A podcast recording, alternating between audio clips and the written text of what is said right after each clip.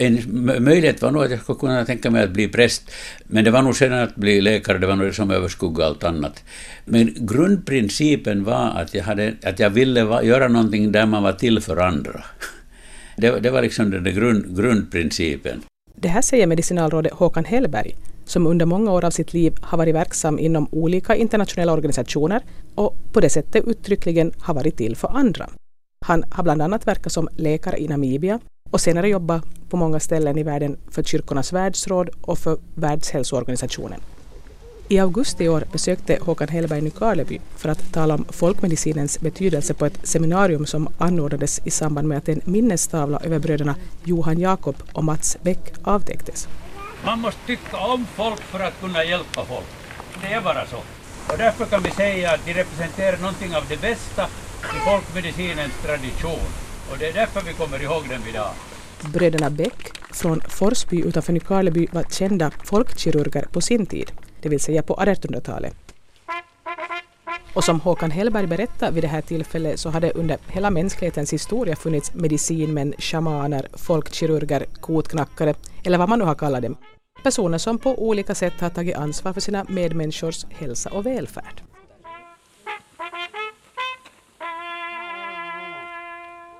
Håkan Hellberg representerar den så kallade skolmedicinen.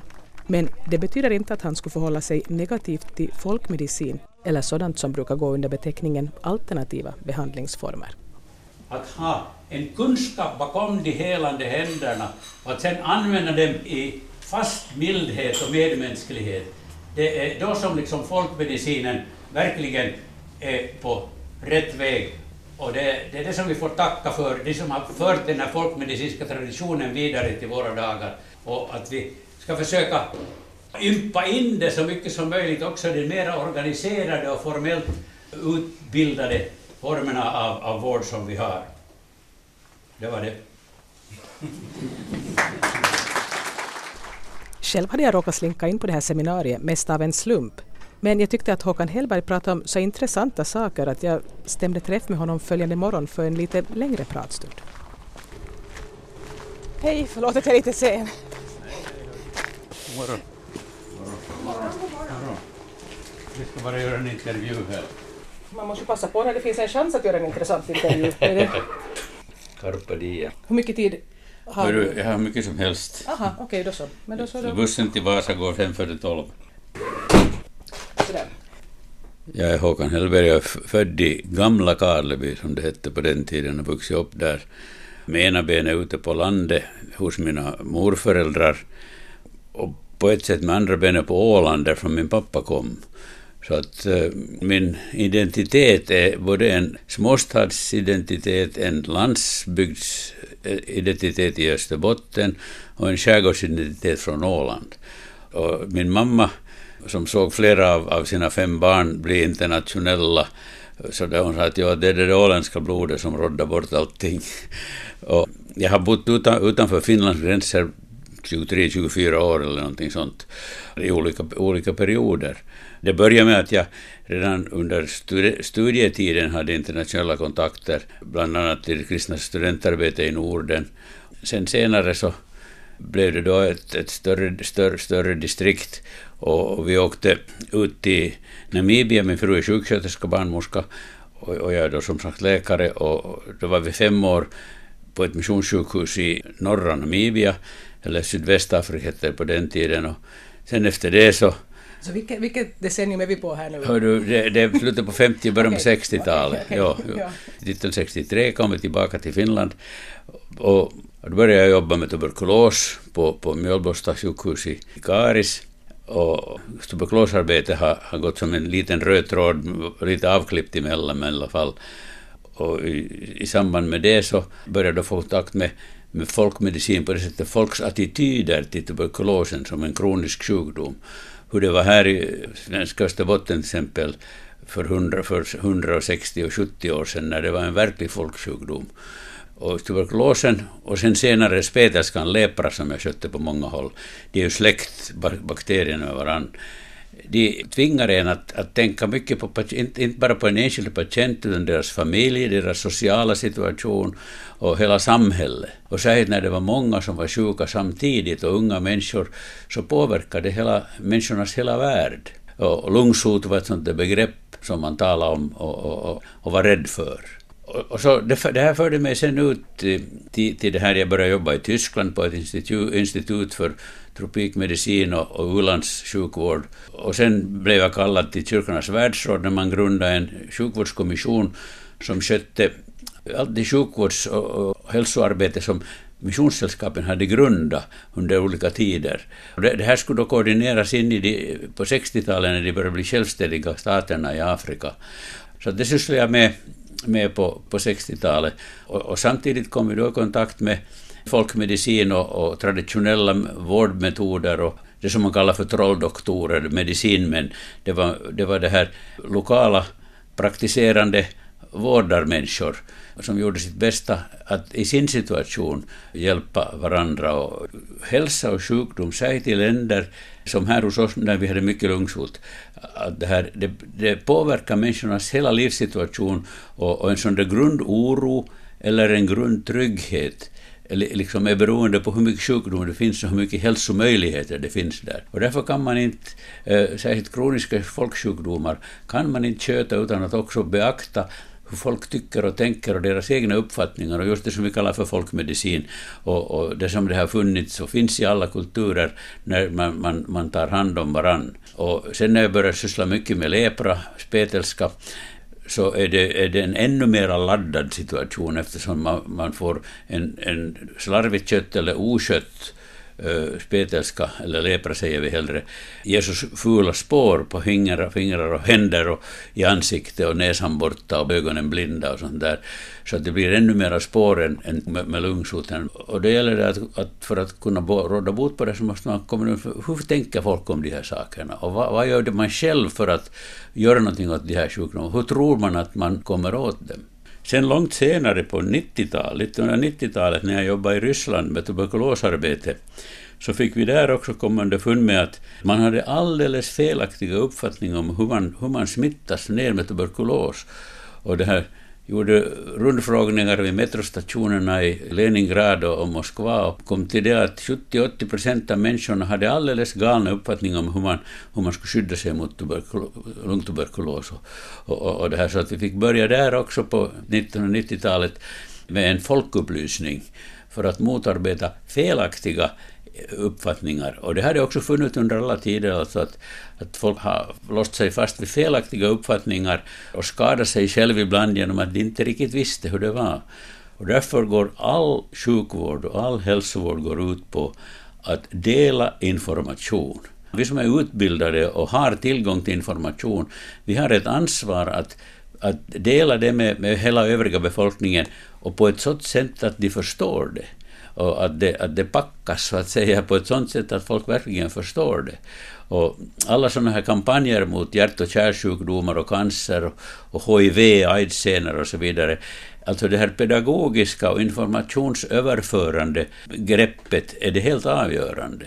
Och mitt arbete har väldigt mycket gått ut på, utom direktmedicin och, och kirurgi och det ena med det andra, att jobba med med informationsproblemen som har att göra med hälsa och sjukdom. Och det som jag brukar alltid säga är att, att i alla kulturer så är det viktigt att inte bara söka efter orsakerna till sjukdom och motarbeta dem, utan komma underfund med vilka är orsakerna till hälsa. Varför är en del så förbaskat friska?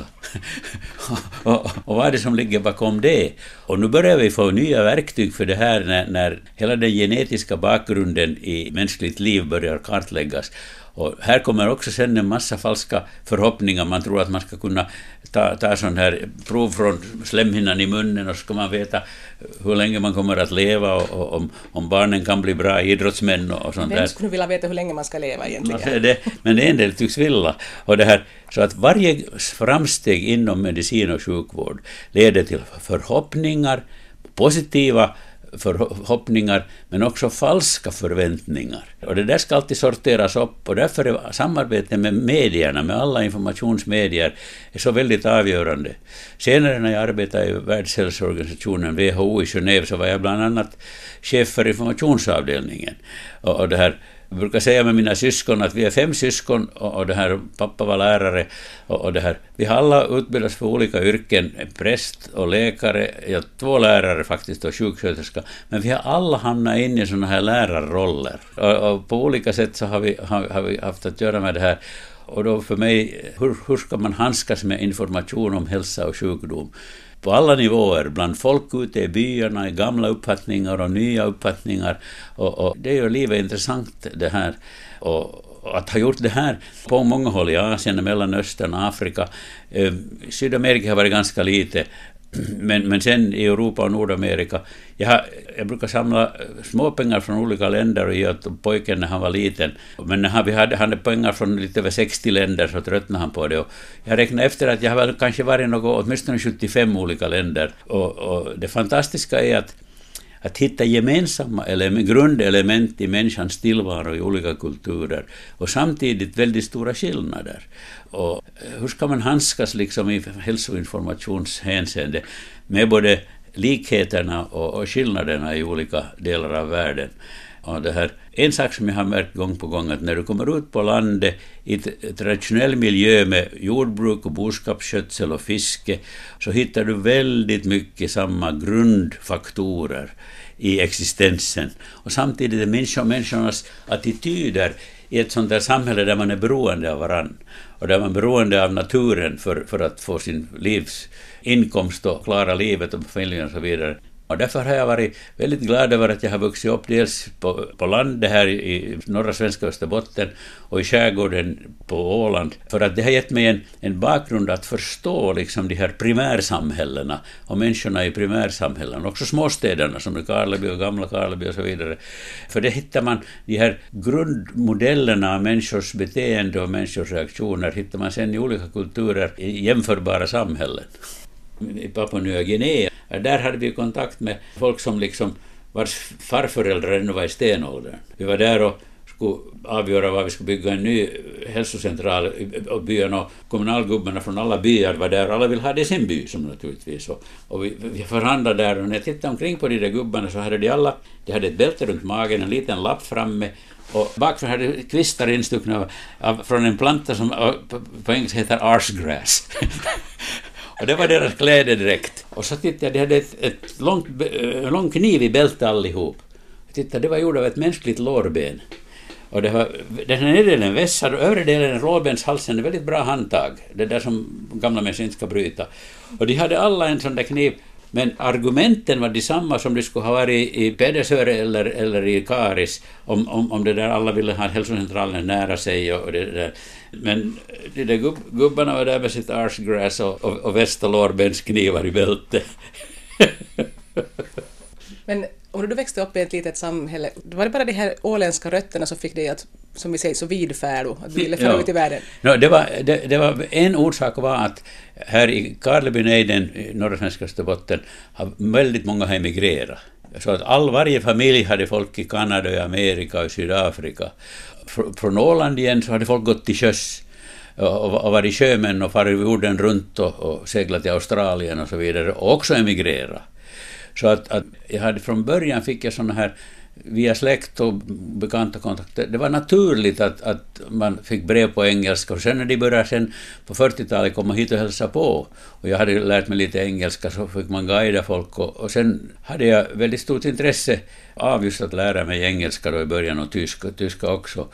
Så att jag från första början liksom såg det här att utan språkkunskap så har du inte verktyg för att fungera internationellt.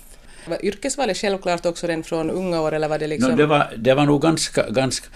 På ett visst stadium tänkte jag nog mer på att bli agronom och, och börja med jordbruk och så vidare, men sen blev det nog ganska klart att, att jag skulle bli läkare. Lite var det ett tag nog, fast jag inte var särskilt aktiv i församling och, och kyrka, liksom, en möjlighet var nog att jag skulle kunna tänka mig att bli präst, men det var nog sen att bli läkare, det var nog det som överskuggade allt annat. Men grundprincipen var att jag, hade, att jag ville va, göra någonting där man var till för andra. Det, det var liksom den grundprincipen. Var det någon sorts inställning som fanns då också i familjen? Alltså? No, det fanns nog i familjen också just. Och det här att, att, att i både pappas släkt och särskilt på Åland men också i mammas släkt så folk på tidigt stadium började man fara och studera också. Det var naturligt att vänta sig att, att syssla med någonting nytt. Så det var bara det där som man säger här i Österbotten, att inte paver vi oss. och, och, det här, då sitter man fast liksom, eh, och det här. Utan det var inte en grundprincip i vår släkt och våra familjer, utan, utan det att alltid liksom vara villig att, att, att förvänta sig någonting nytt bakom knuten. Så att grundinställningen var det. Och en rent praktiskt, när jag växte upp då så var det en, från Nedeve till en, en, en missionär som var i Etiopien, han skrev regelbundet i Österbottningen, tidningen då, lokaltidningen i Gamla Karleby, resebrev därifrån. Och det där väckte, väckte stort intresse. Och sen, pappa hade alltid prenumererat på Sjömansvännen och där var det alltid historier om sjömän. Och det där läste jag från det jag kunde börja, börja med läsa. Alltså det var liksom små fönster ut i stora världen. Och, och det här. Så fort jag lärde mig läsa sen och fick börja gå på bibliotek och lärde mig engelska så började jag läsa det som kom Life-tidningen, amerikanska Life-tidningen kom då på 1940-talet till biblioteket och, och där fick man börja, börja tyda och läsa, läsa den. Och, så att, att det här, sist och slutligen så är det människolivet i olika delar av världen har vissa grundelement Eh, som man brukar säga, det är kärlek och hat och avundsjuka och äregirighet och ödmjukhet och tjänstvillighet och sådana där saker, som sen klär sig i olika former i olika kulturer. Men, men vissa grundbegrepp är där och, och de har att göra med just hur vi tar vara på vår hälsa och hur vi reagerar inför sjukdom och död och hot. Och det, det som har varit intressant att kunna syssla med de här sakerna, till, till exempel ute i Afrika, när, när folk visste att en viss sak, alltså om, om vissa komplikationer när kvinnorna fick barn och så vidare, så dog mor och barn. Men nu kunde vi ingripa i sådana situationer där människorna av erfarenhet visste att det här leder bara till död. Nu kunde vi ingripa och förhindra sådana förhållanden. Och det är väldigt tacksamt att, att, att kunna liksom göra det som folk på ett sätt inte trodde att var möjligt. Så det är sen en annan kontakt, då kan man börja diskutera också andra saker och, och öppna möjligheterna för, för hälsoinformation och att hjälpa folk att ta vara på sig själv. Men det låter i alla fall som du, när du har varit ute och jobbat, att du aldrig farit dit ungefär med att eh, berätta för dem hur allt ska vara, utan liksom lyssna på hur de här lokala... Just det, att ja, försöka sen ja. hitta någon sorts Jag hade vettig... till exempel där ute i Namibia hade jag vår lokala kyrkoherde, han var son till en väldigt känd medicinman, en sån där folkmedicinare där i trakten, och hade blivit utbildad av sin pappa att bli efterträdare. Men sen fick han höra att det finns en möjlighet att gå i skola och så gick han i skola och så blev han lärare och sen blev han präst. Men han hade kvar den där informationen som han hade lärt sig. Så att varje gång jag sen inte, någonting hände som jag inte förstod vad det var, så gick jag till honom och så blev han, blev han min, han, han var en folkmedicinare som lärde upp mig. Så jag, så jag, jag, jag förstod varför folk reagerar på det sätt de gör. Bara ett exempel, till exempel vi hade en god vän i Finland på den tiden som var världsexpert på alger.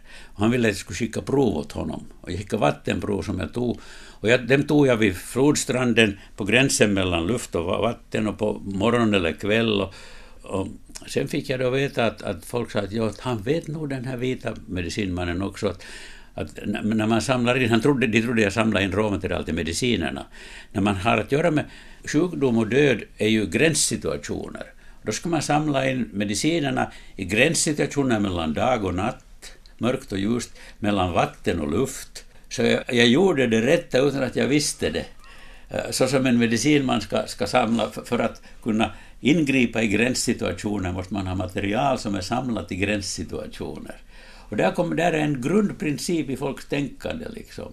och som, som är väldigt viktigt att, att göra sen senare. När vi sen börjar ge narkos och söva ner folk, så, så ordet för att vara medvetslös och dö, kufa, är samma verb. Och, och där förstod inte de medhjälparna vi hade sån där eternarkos, man ska droppa eh, och det här, att man kan inte ge hur mycket som helst, men de trodde att eh, operationen är tre delar. Först tar man livet av patienten så opererar man i lugn och ro, sen väcker man patienten till liv igen. Så att sådana här grunduppfattningar, sen när man utbildar vårdpersonal, liksom, att, att, att det här och det har sen att göra med språket, som inte man måste, man måste hitta de avgörande verben och orden som liksom är nyckelord i sådana här situationer för att få fram sitt budskap. No, var det så du behärskade de här lokala språken där också? Jo, jag, jag lärde mig ett språk, kuangali, som jag använder till, vardags. Och sen hälsningar och sånt där, sitt ner och gör det ont och, och sånt där på tre, fyra andra. Och sen är det viktigt, väldigt viktigt i Bantu-Afrika söder om Sahara liksom, att, att man kan hälsningsorden. Jag kommer ihåg första gången jag var i Zimbabwe och jag gick där och mötte folk och hade, alla tittade sådär lite snett. Så lärde jag mig de vanliga två, tre, fyra hälsningsorden på, på shona-språket. Jag använde dem när jag mötte och plötsligt så var alla glada och, och log mot en och så vidare. Och så det här, om den där röda, som vi kallar röda i Afrika, har bekymrat sig att ha lärt sig de här språken, så då är det någon, då, då liksom en, en sån där kontakt med detsamma. Så det, det, språk och kommunikation är helt avgörande, oberoende vilket område du jobbar med. I augusti när jag träffade Håkan Hellberg så hade man kunnat läsa i tidningarna om eventuella kopplingar mellan läkemedelsindustrin och sådana personer som fattar beslut om att så gott som hela världen skulle vaccineras mot svininfluensa. Och eftersom Håkan Hellberg i många år har jobbat med informationsfrågor som gäller hälsa och sjukdom så frågade jag vad han ansåg om det där. Där är också en massa felaktiga saker i det. För att nu är det ju så att det måste ju finnas, de som forskar i, i, i det här vaccin måste ha kontakt med dem som tillverkar det här. Och man har blåst upp det här på, på fel sätt. Det finns alltid folk som försöker lura och, och, och där. Men vi skulle inte ha fått till stånd en massa mediciner och vaccin om inte vi skulle ha noga kontroll mellan dem som använder dem som forskar fram dem och dem som tillverkar dem. Men då är det ju fråga om människors hederlighet och samvete sen också, att är det någon som försöker göra pengar på det? Det tycks ju vara att girigheten blir mer och mer accepterad i större delar av det här den del av världens befolkning som har massor av pengar än de ska ha mera. Det är just det. Alltså, det, här, och det är ju den största synden som nu har spritt sig de senaste 10, 20, 30 åren är, är en allmän girighet. Du vet, man börjar tala om att jag ska förverkliga mig själv. Alltså det, Merete Mazzarella skrev i en kolumn i Hufvudstadsbladet om det här. Hon sa att vi 60-talister gjorde stor skada genom att sprida den här principen förverkliga sig själv. För att det är liksom en öppning, öppnar dörren till självupptagenhet och egoism på alla sätt och vis. Och det här, för att nu återgå till det som vi talade om folkmedicin här också, att folkmedicin, sund folkmedicin går ut för att jag ska vara till för andra. Så det visar att de här uh, kända folkmedicinerna dog utfattiga för de inte ens tog den betalning de borde ha tagit. Frågan om pengar hade också kommit upp på det seminarium där Håkan Hellberg hade talat dagen innan. Det finns ju också kvacksalvare som, som sysslar med humbug. Det finns det. Hur ska en oerfaren och, och människa som inte, som inte känner till ett lika många fara och ett liv, många liv har tagits av kvacksalvare? Hur ska man veta skillnaden mellan falskt och sant? Jag frågade en gång en folkmedicinare den här frågan, sa han att se efter hur mycket betalt de tar. Om de tar mycket betalt så ska du vara försiktig. Det är en, en mätfaktor. Men sen har det mycket att göra med det där att förstå sig på folk. Så att man kan se på priser, det är en sak, men man måste nog ha liksom lite antenner och höra vad andra människor säger. You want to say something about that? Yeah som en erfaren vårdare. Joe Malvena är irländare men bosatt i Munsala. Han är legitimerad utövare av kinesisk medicin och en modern folkvårdare. Han berättar att han har en viss taxa för sina behandlingar men den är förhandlingsbar. You have a fee but in the end of the day if a person comes to you to ask for your healing energy if you can't afford the fee pay what you can or nothing. Om du inte kan betala det formella arvodet så ge någonting eller ingenting. But I better warn you. Jag ska varna er. Sometimes when you do that you get a leg of lamb or you get a day's work.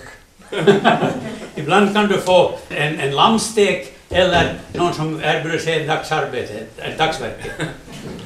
Om man öppnar rätta vägen för gåvor och gengåvor så, så blir man överraskad. Men om man går på den där själviska vägen att försöka klämma ut och mjölka ut så mycket som möjligt för sig själv, så slutar det illa.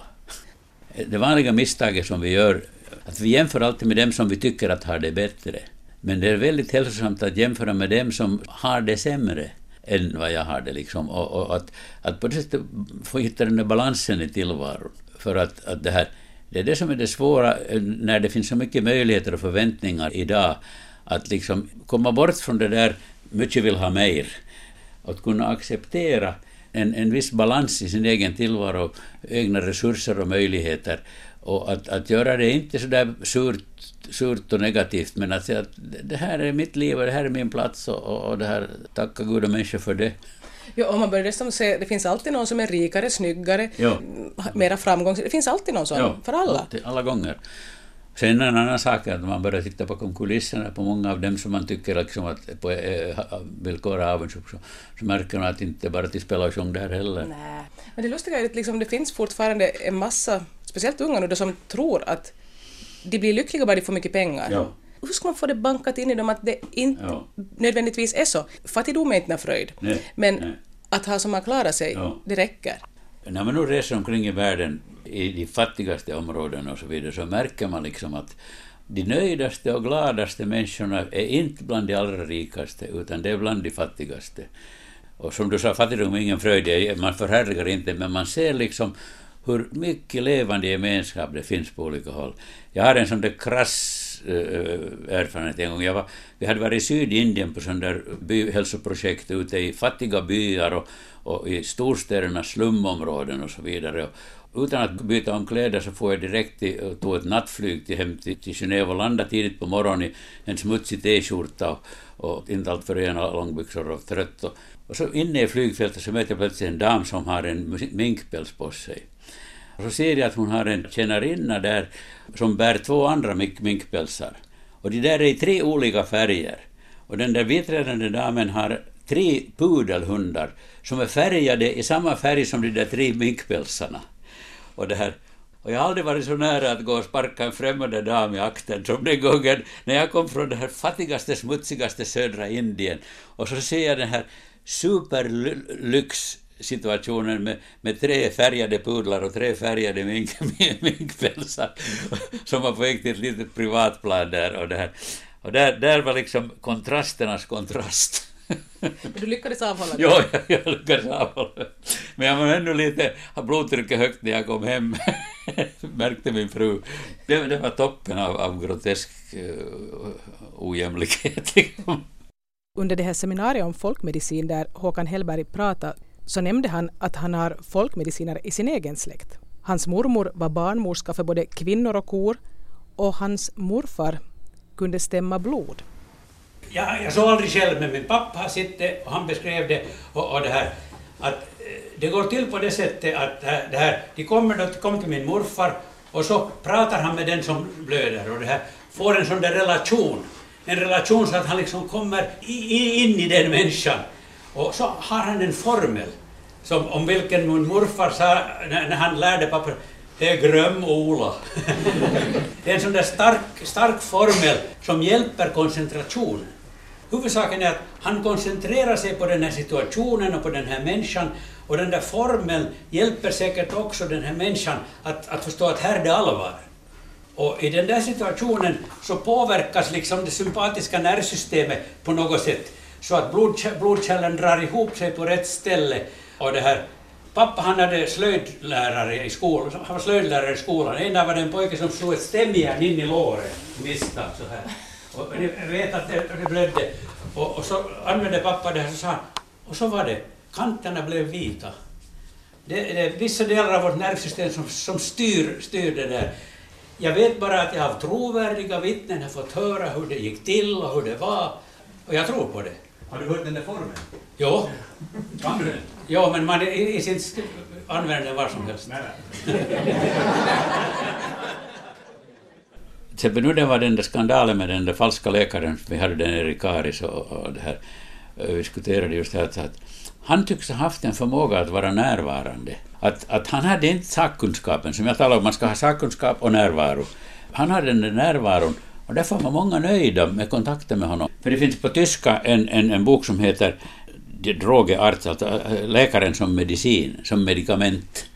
Att, att det är mycket mer vem du är än vad du gör i många sådana här mänskliga kontakter. Det är det som den populära folkmedicinaren också, som jag sa om de här Beckbröderna, de, de hade ett milt men beskedligt sinnelag och, och det här, samtidigt vara bestämda. Och alltid när man har forskat och undersökt liksom varför någon blev populär av de här folkvårdarna och så vidare, så ser man att de, att de kunde ta folk. Och att, att, att det, är, det är det väsentliga